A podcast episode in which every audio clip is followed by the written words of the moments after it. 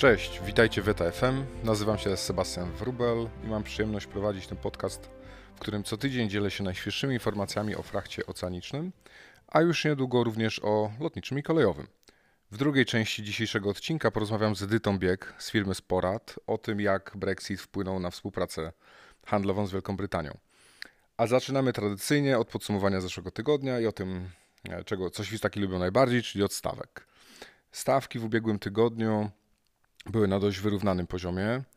E, jeżeli chodzi o stawki dotyczące Europy, to import z Dalekiego Wschodu korekta o niecałe 0,5%, czyli niecałe 40 dolarów e, jednostkowo. E, jeżeli chodzi o eksporty z Europy Północnej do Azji, one wzrosły o niecałe 3%, jednakże to są poziomy wciąż w granicach 1500 dolarów i jednostkowo to jest 40, niewielka, niewielkie wzrosty. Jeżeli chodzi o import z Azji do basenu Morza Śródziemnego, tutaj ta korekta była troszeczkę większa, ponad 2% e, i podobnie eksporty z basenu Morza Śródziemnego do Azji. E, jeżeli chodzi o transatlantyk, różnice praktycznie zerowe. Stawki dosłownie te same co e, w tygodniu trzecim. Jeżeli mówimy o Transpacyfiku, czyli powiedzmy tradzie bardzo nam odległym. Tam również bardzo, bardzo wyrównane, nawet lekki spadek w importach z Dalekiego Wschodu do Ameryki Północnej, 3%. E, Hapag Lloyd dostarcza szczegółowe informacje e, o sytuacji w Stanach Zjednoczonych. E, sytuacja ta wcale się nie polepsza, tak jak wspominałem w poprzednim odcinku. E, dużo statków stoi, czeka na zawinięcie do portów. E, w południowej Kalifornii, czyli w Los Angeles i Long Beach, czeka już 37 statków. E, w zeszłym tygodniu było to 30, także ilość ta rośnie. W Oakland, czyli w San Francisco, 11 statków czeka. Na wschodnim wybrzeżu w Sawanie jest ich 10, o jeden mniej niż tydzień temu. Co odróżnia Sawanę od zachodniego wybrzeża, to to, że nie jest, nie, głównym powodem tego przestoju nie jest COVID. Zastój w jest spowodowany większą ilością towaru oraz coroczną mgłą, która tam występuje i stąd spiętrzenie e, statków do rozładunku. W Nowym, w Nowym Jorku sytuacja jest w tej chwili pod kontrolą, e, ale zapowiadana, zapowiadana prognoza pogody może tą sytuację trochę zmienić i przewiduje się, że będą, będą operacje szły wolniej. Niestety porty amerykańskie to nie koniec kłopotów Amerykanów. E, na zachodnim wybrzeżu czas oczekiwania na ciężarówkę, aby dostarczyć towar do magazynu i tu uwaga, wynosi 30 dni.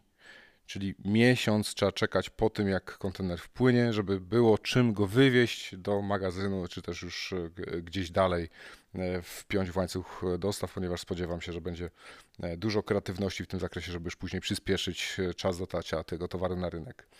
E, na wschodnim wybrzeżu mówimy o 15 dniach, wciąż bardzo długo w stosunku do tych realiów, w których się przyzwyczailiśmy, a tym bardziej e, czasu wolnego, jaki jest w porcie, żeby nie, e, nie płacić dodatkowo za obsługę kontenerów. W zeszłym tygodniu wspominałem o Pacific International Lines, o tym, że mają problemy finansowe. Jest dobra informacja. Plan restrukturyzacji został zatwierdzony. E, tym samym Pacific Lines będzie e, mógł dalej kontynuować e, swoją działalność. Pojawiają się też coraz bardziej szczegółowe informacje, co armatorzy planują zrobić z dodatkowymi przychodami, jakie wygenerowali w zeszłym roku i ostatnim kwartale. W przeważającej większości środki te zostaną spożytkowane na spłacenie zadłużenia, rozpleczenie struktury tego zadłużenia. Od stycznia do września na przykład Hapag Lloyd obniżył zadłużenie o 750 milionów euro i to oznacza obniżenie o 13% do poziomu wciąż ponad 5 miliardów euro. Hapag e, do 2023 roku planował obniżyć e, poziom zadłużenia do trzykrotności e, rocznych zysków EBITA i dzięki ostatniemu kwartałowi na pewno uda się to osiągnąć nawet wcześniej niż zakładany 23 rok. Wciąż pokazuje to jak na dłoni, jak bardzo zadłużeni są armatorzy. E, zamówienia w stoczniach na nowe statki e, które miały miejsce jeszcze przed pandemią i były raczej zachowawcze. E, jedynie MSC poprzez czartery długoterminowe i wymianę istniejącej części floty na przełomie 2023-2024 zmierza w kierunku bycia największym armatorem i wciąż powiększa swoje capacity, jeżeli chodzi o możliwości przewozowe. Już za, już za chwilę chiński Nowy Rok I wszystko wskazuje na to, że będzie on jedyny w swoim rodzaju. Coraz więcej firm w Chinach informuje, że ich fabryki nie będą w pełni zamknięte, a wysyłka towaru będzie trwać. Również w czasie tradycyjnie wolnym. Na pewno regulacje chińskiego rządu, który ograniczył wolność poruszania się po terenie Chin na czas e, święta, wpływa również pozytywnie na zachowanie tego, e, tej ciągłości łańcucha dostaw. Poprzednie lata pokazały, że świętowanie Nowego Roku w Chinach to nie tylko czas samego święta, ale również czas przywrócenia pełnej zdolności produkcyjnej fabryk, y, ponieważ Chińczycy w tym czasie wracają do swoich rodzin i podróżują przez ten ogromny kraj wzdłuż i wszerz. Część z nich nie wraca już y, do firm, gdzie pracowała wcześniej, y, tylko znajduje coś innego i tym samym ten czas po chińskim Nowym Roku tradycyjnie potrzebował jakiegoś rozruchu, żeby skompletować załogę z powrotem. Mówimy tu o przecież e, ogromnych ilościach osób, które są potrzebne do pracy w, w tych fabrykach.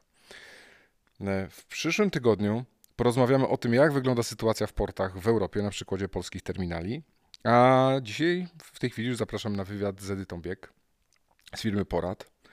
Edyta jest agentką celną od 7 lat i jest odpowiedzialna za sprawy celne e, w Poracie. Jest również coachem, ponieważ chce pomagać ludziom, szczególnie tym walczącym z wypaleniem zawodowym.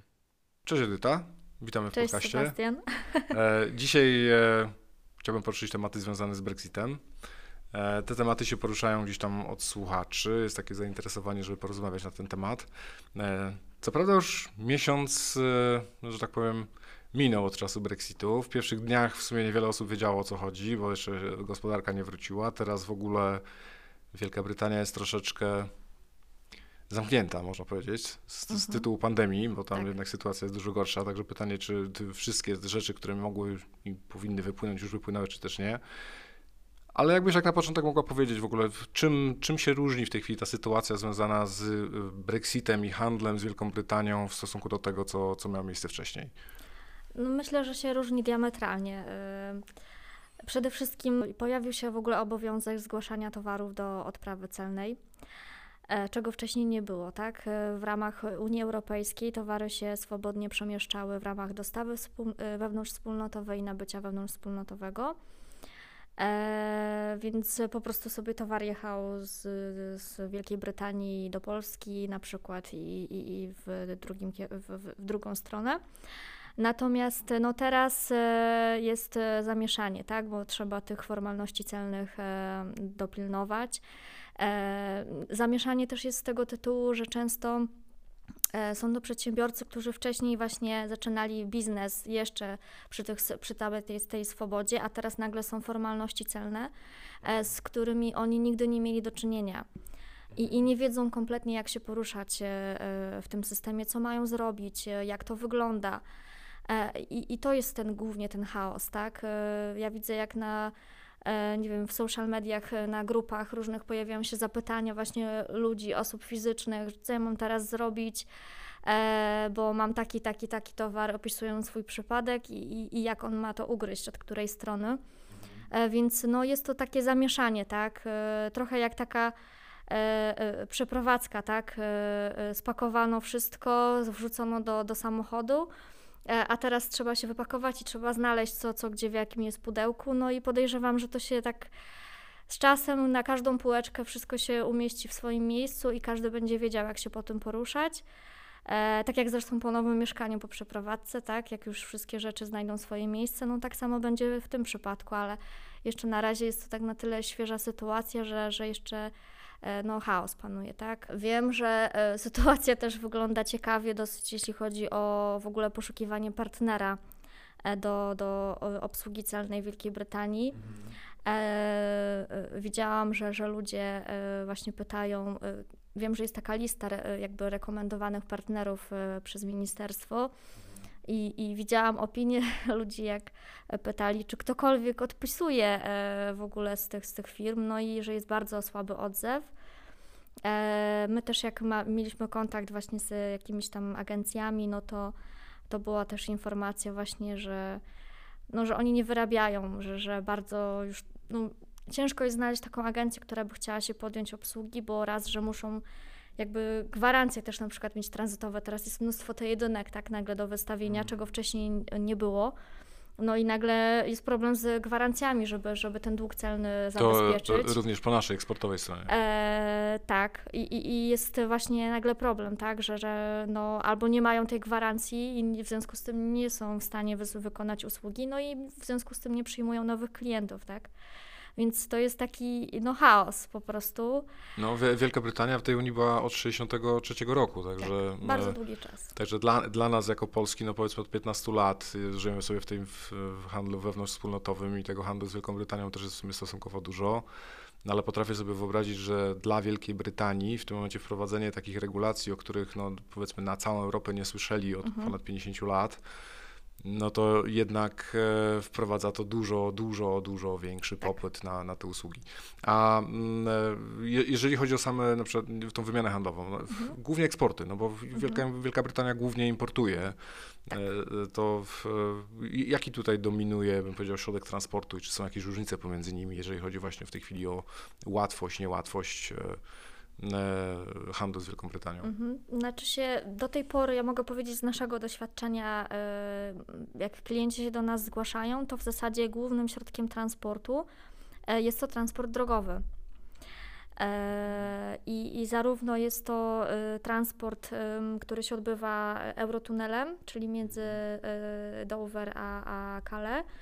I też jest e, e, taki e, trasa promowa e, z Wielkiej Brytanii do Rotterdamu i tam też e, pojawiają się właśnie zapytania, no ale to też są auta, tak, które sobie e, wjeżdżają na prom, przepływają przez, e, e, przez kanał e, i, i, i docelowo trafiają do, do Rotterdamu.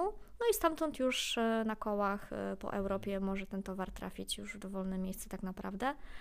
E, I to chyba jest największy obecnie jakby kawałek tortu, tak z tego co widzę, e, jeśli pewno. chodzi o środki transportu.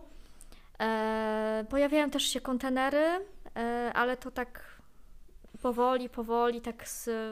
Znaczy ten transport short sea na pewno nie ma takiej, takiego capacity, żeby teraz Tak. nagle przejąć z, z kół, że tak powiem, większość tego handlu. Tak, tak, no mimo wszystko, no zawsze wszystko, większo, Mhm. większość to jeździło jednak na, na no chociażby y, spojrzeć na to, jak, jakie korki się tworzyły, tak, jak, jak Mhm. dużo jest, było tych aut, no to pokazuje to skalę po prostu, tak, tego środka Mhm. transportu, który jest wykorzystywany. No a, a tak patrząc, no bo jednak e, transport morski w Wielkiej Brytanii, no to też raczej jest dominowany przez import, import spoza Unii. Mhm. E, to, to może tamtędy trzeba szukać jakiegoś rozwiązania, w sensie, że faktycznie tamta infrastruktura jest, wiadomo, Mhm. kontenery czy wpływają z e, Bałtyku, czy wpływają gdzieś z Dalekiego Wschodu, no to jednak trafiają do portu. W tym porcie są agenci celnych, są, oni są Mhm. doświadczeni, bym powiedział, w tym e, w obsłudze i to nie jest dla nich takie zaskoczenie jak dla większości rynku, to, to, to jest potencjalnie też jakaś ścieżka, żeby szukać właśnie jakiejś powiedzmy bardziej sprawnej tej wymiany handlowej?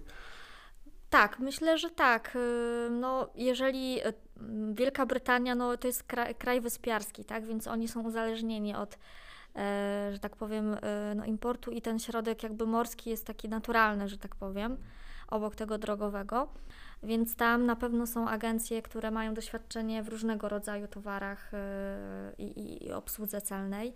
E, Więc tam warto się rozejrzeć właśnie i, i poszukać e, tego, tego partnera do współpracy. E, Czy, czy widzicie jakieś e, duże różnice w, w, aktualnej sytuacji pomiędzy różnymi kategoriami produktów, takich, które powiedzmy w naturalny sposób mają trudniejszą odprawę ze względu na sanepid, ze względu na jakieś e, usługi weterynaryjne? Mhm. E, Czy, czy tutaj dostrzegacie jakiś jeszcze większy stopień skomplikowania, jeżeli chodzi o tą współpracę i handel z Wielką Brytanią w tej chwili? Czy... Znaczy się dla nas generalnie, jeżeli chodzi o, y, o Polskę, no to my traktujemy towar e, tak jakby przyjeżdżał z kraju trzeciego, tak? Czy z Chin, czy, czy z jakiegokolwiek innego kraju.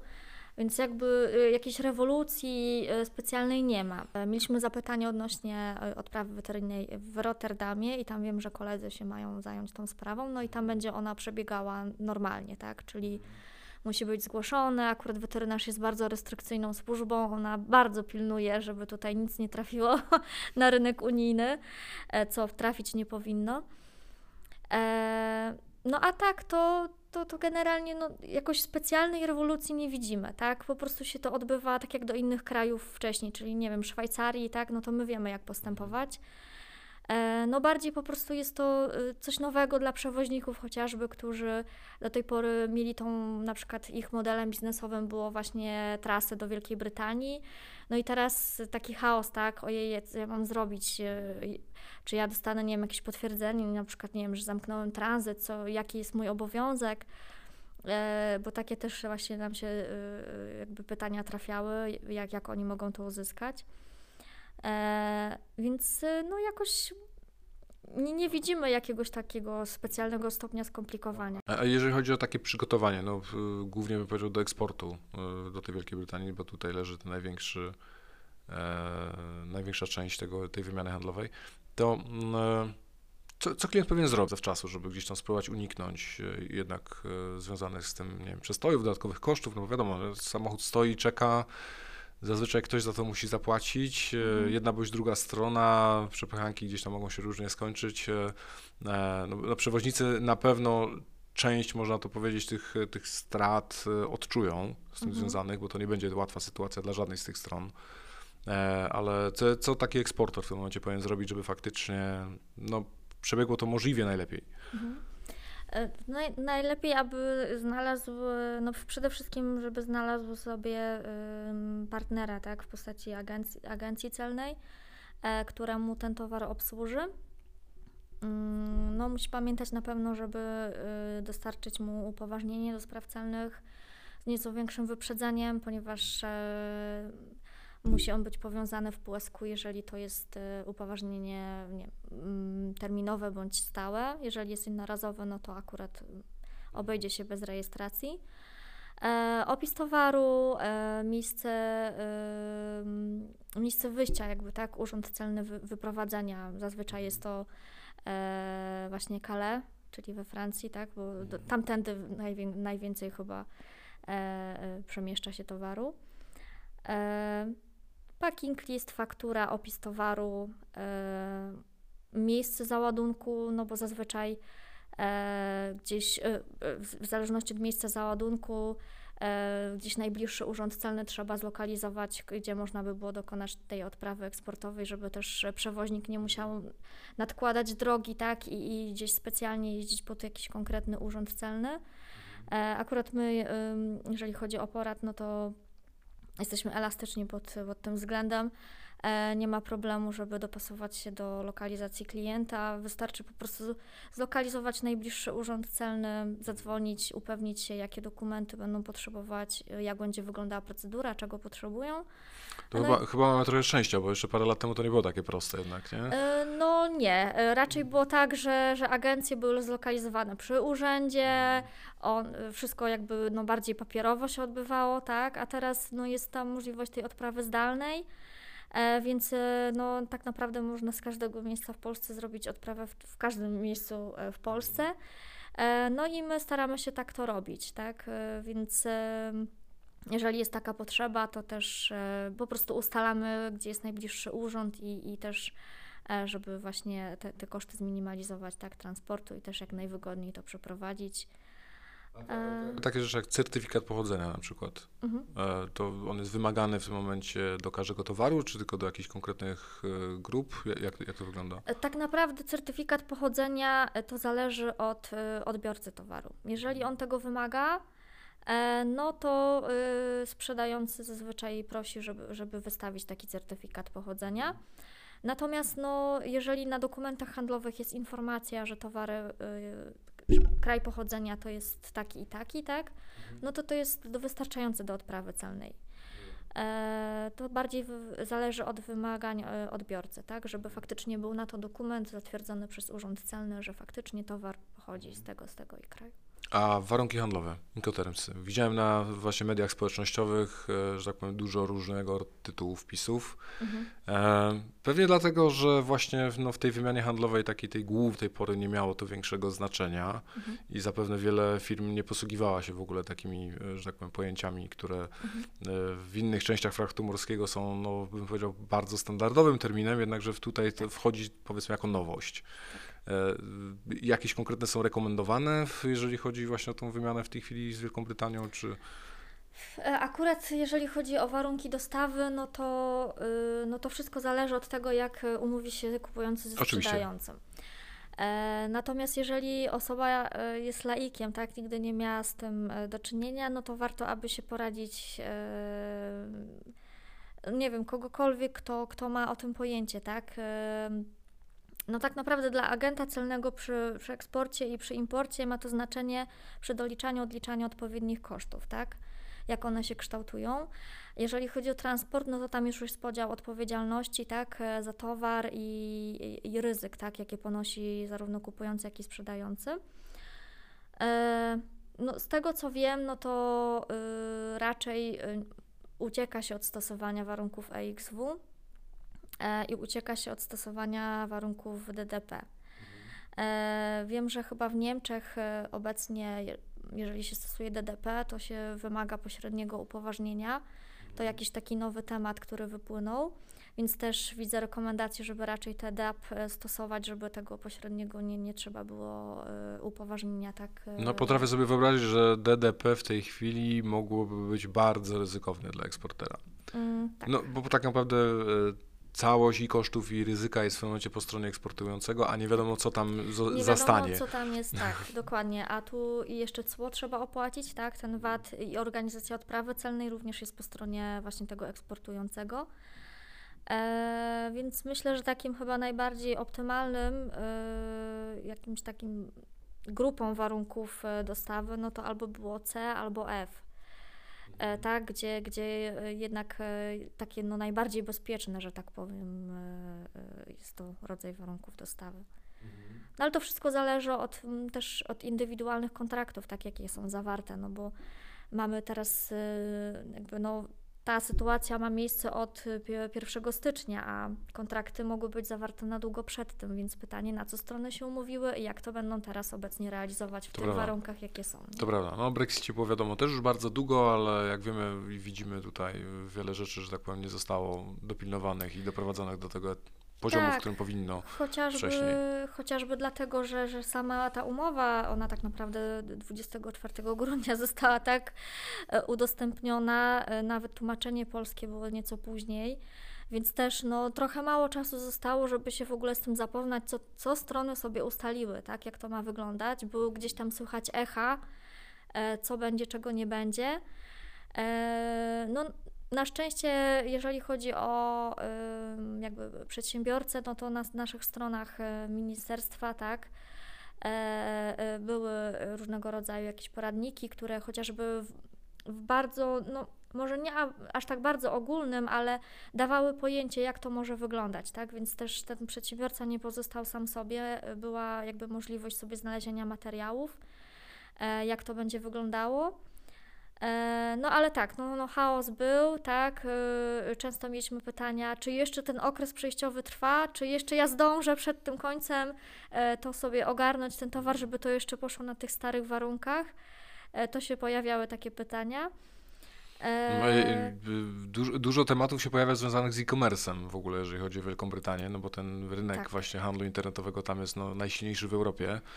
I Mhm. też słyszałem właśnie pytania e, takie, no bo tam jest ta magiczna kwota jakaś chyba tam 150, nie wiem czy funtów, czy Euro, euro, mhm. e, powyżej której powinno się płacić i cło, i VAT. Mhm. E, I też pojawiały się właśnie pytania, a co ja kupiłem 29 grudnia? Czy to wtedy jest tak jakby to prawo przed Brexitem, czy po Mhm. Brexicie? I, i, I w sumie też wypowiedzi firm kurierskich widziałem, które też no, bardzo długo nie wiedziały, co, co z tym zrobić w ogóle. No tak, no to wynika właśnie z tych regulacji, tak? Ta umowa e, ma multum stron, tak? Tam jest bardzo dużo regulacji, które dotykają różnych obszarów, nie tylko celnych, ale też chociażby e, przepływu usług. E, Mhm. handlu, tak? Przy No, te, usługi, te usługi chyba są jeszcze w dużej mierze nie, w ogóle nie, e, Tak, e, nieuregulowane. Dokładnie, przepływu chociażby współpracy, jeżeli chodzi o jakieś sprawy społeczne, tak, ujawniania informacji, no to jest, to jest taki ogrom jakby regulacji, że podejrzewam, że to jest taki no wstępniak, że tak powiem, a, a to będzie jeszcze się dogrywało w międzyczasie te, te regulacje. Zresztą do 28 lutego jeszcze jest ten okres przejściowy, gdzie jakby mają niektóre rzeczy być uszczegółowione. E, Ale to myślę, że z czasem będzie się to wszystko krystalizować, tak? E, Będzie więcej regulacji, będzie więcej interpretacji e, tego, co, co, co należy robić. E, No i też te okresy przejściowe zaczną, że tak powiem, mijać. Na razie mamy te pół roku, tak, chociażby na te kontrole graniczne. E, I to też zacznie się klarować, tak? E, My jako agenci, przedsiębiorcy, przewoźnicy też no, nabędą tego doświadczenia, tak? Czyli to, co jest najważniejsze, jak to zrobić w praktyce. Bo fajnie, fajnie, że jest papier, jak to mówią, papier przyjmie wszystko, natomiast e, kwestia właśnie praktycznie, jak to będzie wyglądało. No i im więcej jakby będzie tematów do przerobienia, tym więcej my do- zdobędziemy doświadczenia, też będziemy w stanie bardziej pomóc temu klientowi, temu przedsiębiorcy, tak? E, Więc no, no to jest wszystki, dla nas wszystkich nowa sytuacja, z którą musimy okrzepnąć i, i po prostu robić, tak? E, Dowiadywać się, e, czy to chociażby na infolinii kasu, czy u samych celników, jak to powinno wyglądać. No i tak działamy, tak? E, U źródła się dowiadujemy. E, Jako porad, to można powiedzieć, wywodzicie się na polskim rynku, no można powiedzieć, że z importów e, przez Niemcy, przez, przez Hamburg głównie i gdzieś tam pewnie większość osób rozpoznaje właśnie waszą firmę stąd, że od dawien dawna no, działaliście na rynku niemieckim od, z odprawami w, w Hamburgu, E, ale wspomniałeś też odnośnie Rotterdamu. E, Tak. Tam, e, w- bo w Holandii też macie z, swoje e, oddziały, tak. prawda? W Holandii mamy oddział w Rotterdamie, Mhm. który no, działa już jakiś czas. I to pa- patrzycie na niego właśnie, że on może być jakąś tam powiedzmy taką placówką, która nie wiem, będzie ułatwiać właśnie tę tą wymianę handlową z Wielką e, Brytanią? Tak, myślę, że jest to potencjalnie bardzo e, fajny punkt, e, taki właśnie przerzutowy z Wielkiej Brytanii, ponieważ widzimy, że właśnie mamy zapytania, tak, odnośnie chociażby tych odpraw e, z promu, tak, że towar, który się przemieszcza na promie do, do Rotterdamu, no i potem e, chociażby zapytania o jakieś tranzyty, tak, e, bądź e, już bezpośrednio importy, tak, żeby od razu już towar sobie mógł pojechać e, do miejsca docelowego bez, bez żadnego podjeżdżania pod urząd, zamykania tej jedynek i tak dalej. Więc to też jest fajna lokalizacja, no i docelowo myślę, że alternatywa dla Eurotunelu, bo Eurotunel no, jest dosyć e, mocno obciążony, jest to taka bardzo popularna droga, natomiast właśnie e, ten, ta trasa promowa też jest e, myślę do, fajną alternatywą i, i atrakcyjnym kierunkiem, który warto tutaj wykorzystać. No i tak e, jakby też widzimy w tym potencjał. Dziękuję bardzo za podzielenie się z- doświadczeniami bardzo szerokimi z, z firmy Porad. Dziękuję bardzo za możliwość udziału. Na dzisiaj to już wszystko. E, Dzięki bardzo za e, słuchanie. Mam nadzieję, że e, te informacje, które dostarczyłem, były dla Was wartościowe. Jestem bardzo ciekawy, czy takie dłuższe odcinki jak ten, czyli półgodzinne, to jest e, dla Was właśnie interesujący format, czy wolelibyście, żeby to było dłuższe, krótsze. E, Wszystkie informacje, które możecie się ze mną podzielić, są dla mnie bardzo, bardzo wartościowe, dlatego śmiało piszcie do mnie e, na mailu e, seb.eta.fm lub na social media. Najbardziej aktywny jestem na LinkedIn, także zapraszam i dzięki za, za słuchanie.